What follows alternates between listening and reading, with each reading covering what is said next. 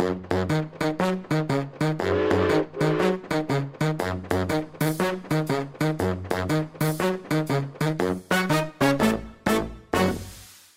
og velkommen til Ekspedert. Jeg heter Ida, og i dag har jeg med meg han Trond. Vi skal snakke om Bjørkåsen Gruber AS. Og da må vi tilbake helt til 1800-tallet, Trond, ikke sant? For å være helt nøyaktig i 1876. Det stemmer. Hva som skjedde da? Jo, da var det altså en uh, gjetergutt i Ballangen som var ute i skogen og gjette sine får. Og der under ei uh, svær buske som hadde velta i en storm, ser han en gullglinsende stein. Oi, oi, oi. Det var ikke gull. Det var Svovelkis. Svovelkis, også kalt som Narregull. og han ble lurt. Han ble lurt, ja. som Men, mange eh, andre. Ja, Han var sikker på at jeg var verdifullt, så han eh, tok den med hjem til gården og viste den frem der. og Alle sammen syntes eh, det her var veldig fint å se på, men de som visste bedre, de visste at det her er ikke gull. Det er litt for lett å være gull. Så steinen havna i kjøkkenkarmen. Og så gikk det noen år, og så ble det tatt ut et sånt mutningsbrev. Ja, det var en annen skjerper som hadde sans for uh, metall, som oppdaga denne her uh, klumpen i kjøkkenkarmen. Og um, han heter Håkon Olsen Djupås, og han uh, drev som profesjonell skjerper. Og da må vi aller først, før vi går videre, hva er en skjerper? En skjerper, det er en som leter etter skatter i fjell. Tenk på det. Eh, han har gjerne med seg en hammer eller en liten slegge, et eh, bor for å kunne bore ned i fjellet, og eh, lage hull slik at du kan sprenge bort for å finne ut hva som er inni i fjellet. For av og til så er overflata eh, dekt av mose og litt av hvert, slik at du kan ikke se på overflata hva som skjuler seg under. Tenk det. Og hva skjedde da med han skjerperen? Han eh, fant eh, mer malm og eh, tok kontakt med en rik advokat i Bodø som heter Skjølberg. Og han Skjølberg han betalte for å få denne informasjonen. Og så tok han kontakt med en annen skjerper som han kjente, som heter Lars Nilsen Dybdalås. Som er min tippoldefar. Som er din tippoldefar, ja. Og han var veldig aktiv på Håfjellet, Olalemmen, Bjørkåsen, Sjåfjell. Han var overalt og skjerpa når han hadde tid. Og nå skjerpa han kun for han Sjølberg. Og eh, ideen var å få en viss eh, pekepinn om det her kunne bli gruvedrift. Ja, Så han var og skjerpa der Bjørkåsen gruve ble til, rett og slett. Ja. Men han hadde vel ikke råd til å gjøre noe med det skjerpet sitt videre. Nei, han, Sjølberg hadde ikke nok penger til å finne ut at det her virkelig kunne bli gruvedrift, så han tok kontakt med det som da var eh, Europas sterkeste industrinasjon, Tyskland. Og der eh, tok han kontakt med en såkalt bergassessor, en som var kyndig i eh, malm og fjell og berg, og eh, lurte på om han kunne komme opp og undersøke det her. Og så drev han på med diamantboring i flere år og laga seg et kart over utbredelsen av denne malmen for å bevise at det var drivverdig. Og så tok han kontakt med enda en rik tysker, en som heter Fredrik Friedländer Fuld, som holdt til i Berlin. Og han sendte da opp sine folk for å undersøke det her, og alle sammen var enige om at her kan det virkelig bli stor gruvedrift i Bjørkåsen. Og så starta de bare med gruvedrifta, da, eller? De etablerte et selskap som heter Aksjeselskapet Bjørkåsen Gruber. Og så satte de i gang med bygging av eh, knuseverk og jernbane og kai og silo og veier og sykestue og kontorbrakke og arbeiderbrakke og du vet ikke, det er masse. Men de trengte jo strøm, ikke sant? Du må jo ha strøm for å drive i gruva. gruve. Hvordan Ja. løste de det? De, først laga de et lite kraftverk i Arneselva. det var ikke nok. Så laga de et til i Børsvassfossen, det var heller ikke nok. Og så tenkte de at vi får gjøre som de har gjort borte i Porjus i Nord-Sverige. Vi bygger et kjempesvært kraftverk nede i fjellet. det gjorde de det Ja, de gjorde det. Det var kjempesmart. Det var Norges første underjordiske kraftverk i Ballangen. i Ballangen. Ja. Og det er enda i drift. Oi, oi, oi. Så det er ikke, det er ikke dårlig. Så når, eh, når Bjørkåsen gruver en dag eh, la ned, så overtok eh, Ballangen kommune kraftverket. Og det var starten på Ballangen Energi. Men eh, Bjørkåsen gruver de hadde et toppår i 1938. mener jeg å lese. Hvor mange var det som jobba i gruva da? Ja, hvis vi antar at de starta med noen hundre mann i 1917, så var de altså 500 mann i 1938. Og det året ble det tatt ut 350 000 tonn med malm nede fra fjellet, som gikk opp med gruveheis og ut i knusen osv. Så, videre. så eh, det var liksom toppåret. Og da var det stor etterspørsel i Europa, for det var jo like før den andre verdenskrig skulle starte. Mm. Og da, ja, under andre verdenskrig også, var det drift i gruva? Da. Ja, det var jo et tysk selskap, slik at eh, Utfordringa var jo egentlig å få malmen trygt ned til Tyskland med båt. For de engelske ubåtene lå jo og lurte hele veien nedover for å skyte en torpedo inn i de tyske malmbåtene. Men sakte, men sikkert så begynte nedgangstiden for Bjørkåsen gruver. Ja, det nærma seg utløpet for deres tillatelse til å drive gruve i 55 år.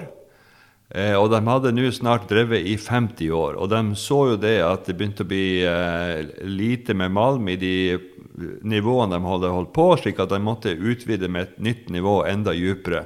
Og prisen for å få malmen opp derifra, under havnivå, ble så stor at prisen de fikk for det ferdige produktet, ikke var nok til å dekke kostnadene. Og så var det jo også en annen industri som blomstret opp nesten i dette tidsrommet. Ja, svovelkis kan jo brukes til å lage svovelsyre. Og svovelsyre brukes i papirindustrien. Men så hadde vi jo fått en stor eh, oljeindustri som raffinerte olje. Og da får du et slaggprodukt som også er svovel. Nettopp. Så det var også en grunn til at det ikke var bruk for å ta ut svovelkis. Nei, det var ikke det samme markedet for svovelkis.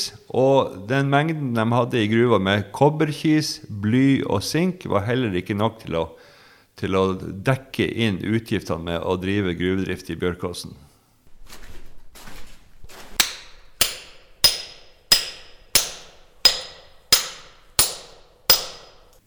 Veldig bra. Da er vi i rute med historien om Bjørkåsen gruve, Trond. Men jeg har lyst til å gå litt eh, nærmere på enkelte ting.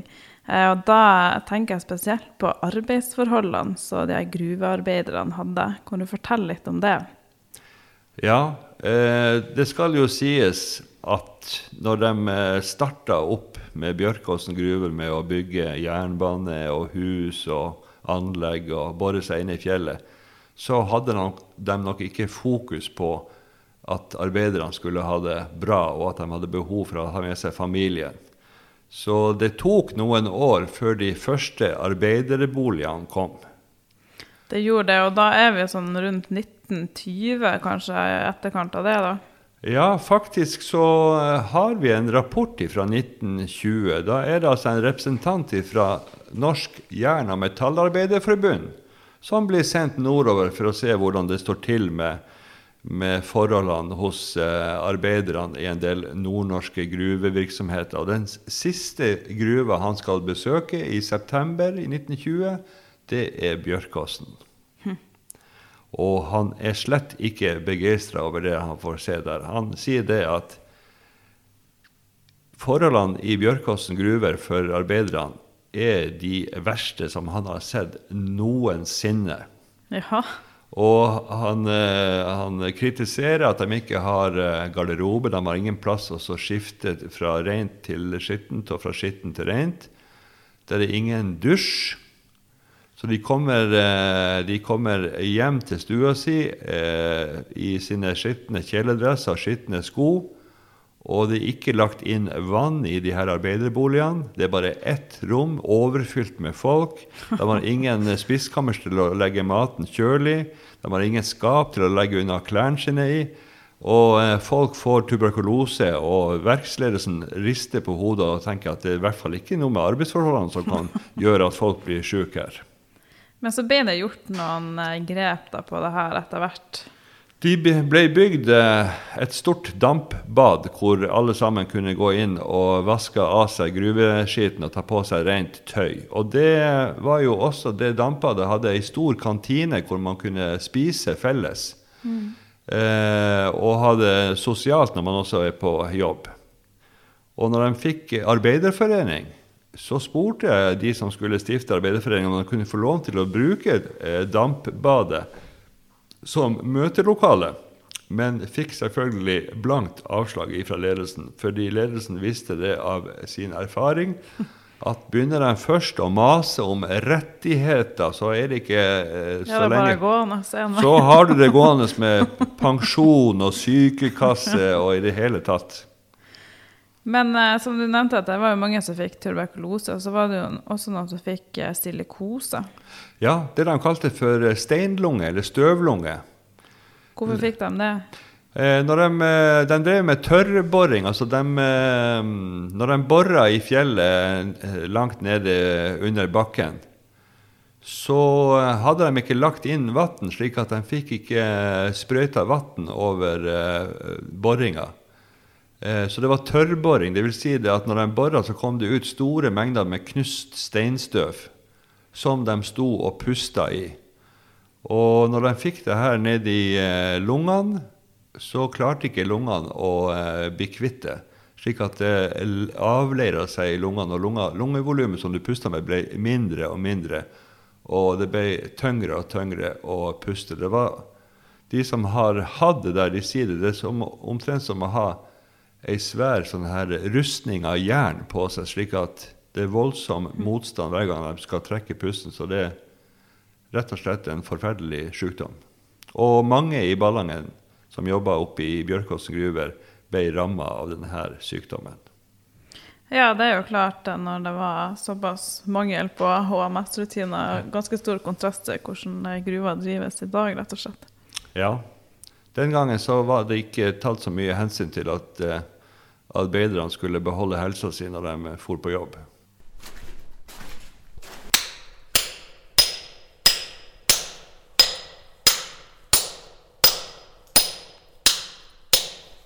Takk til deg, Trond, eh, og takk til dere som hørte på denne episoden om Bjørkåsen gruver AS.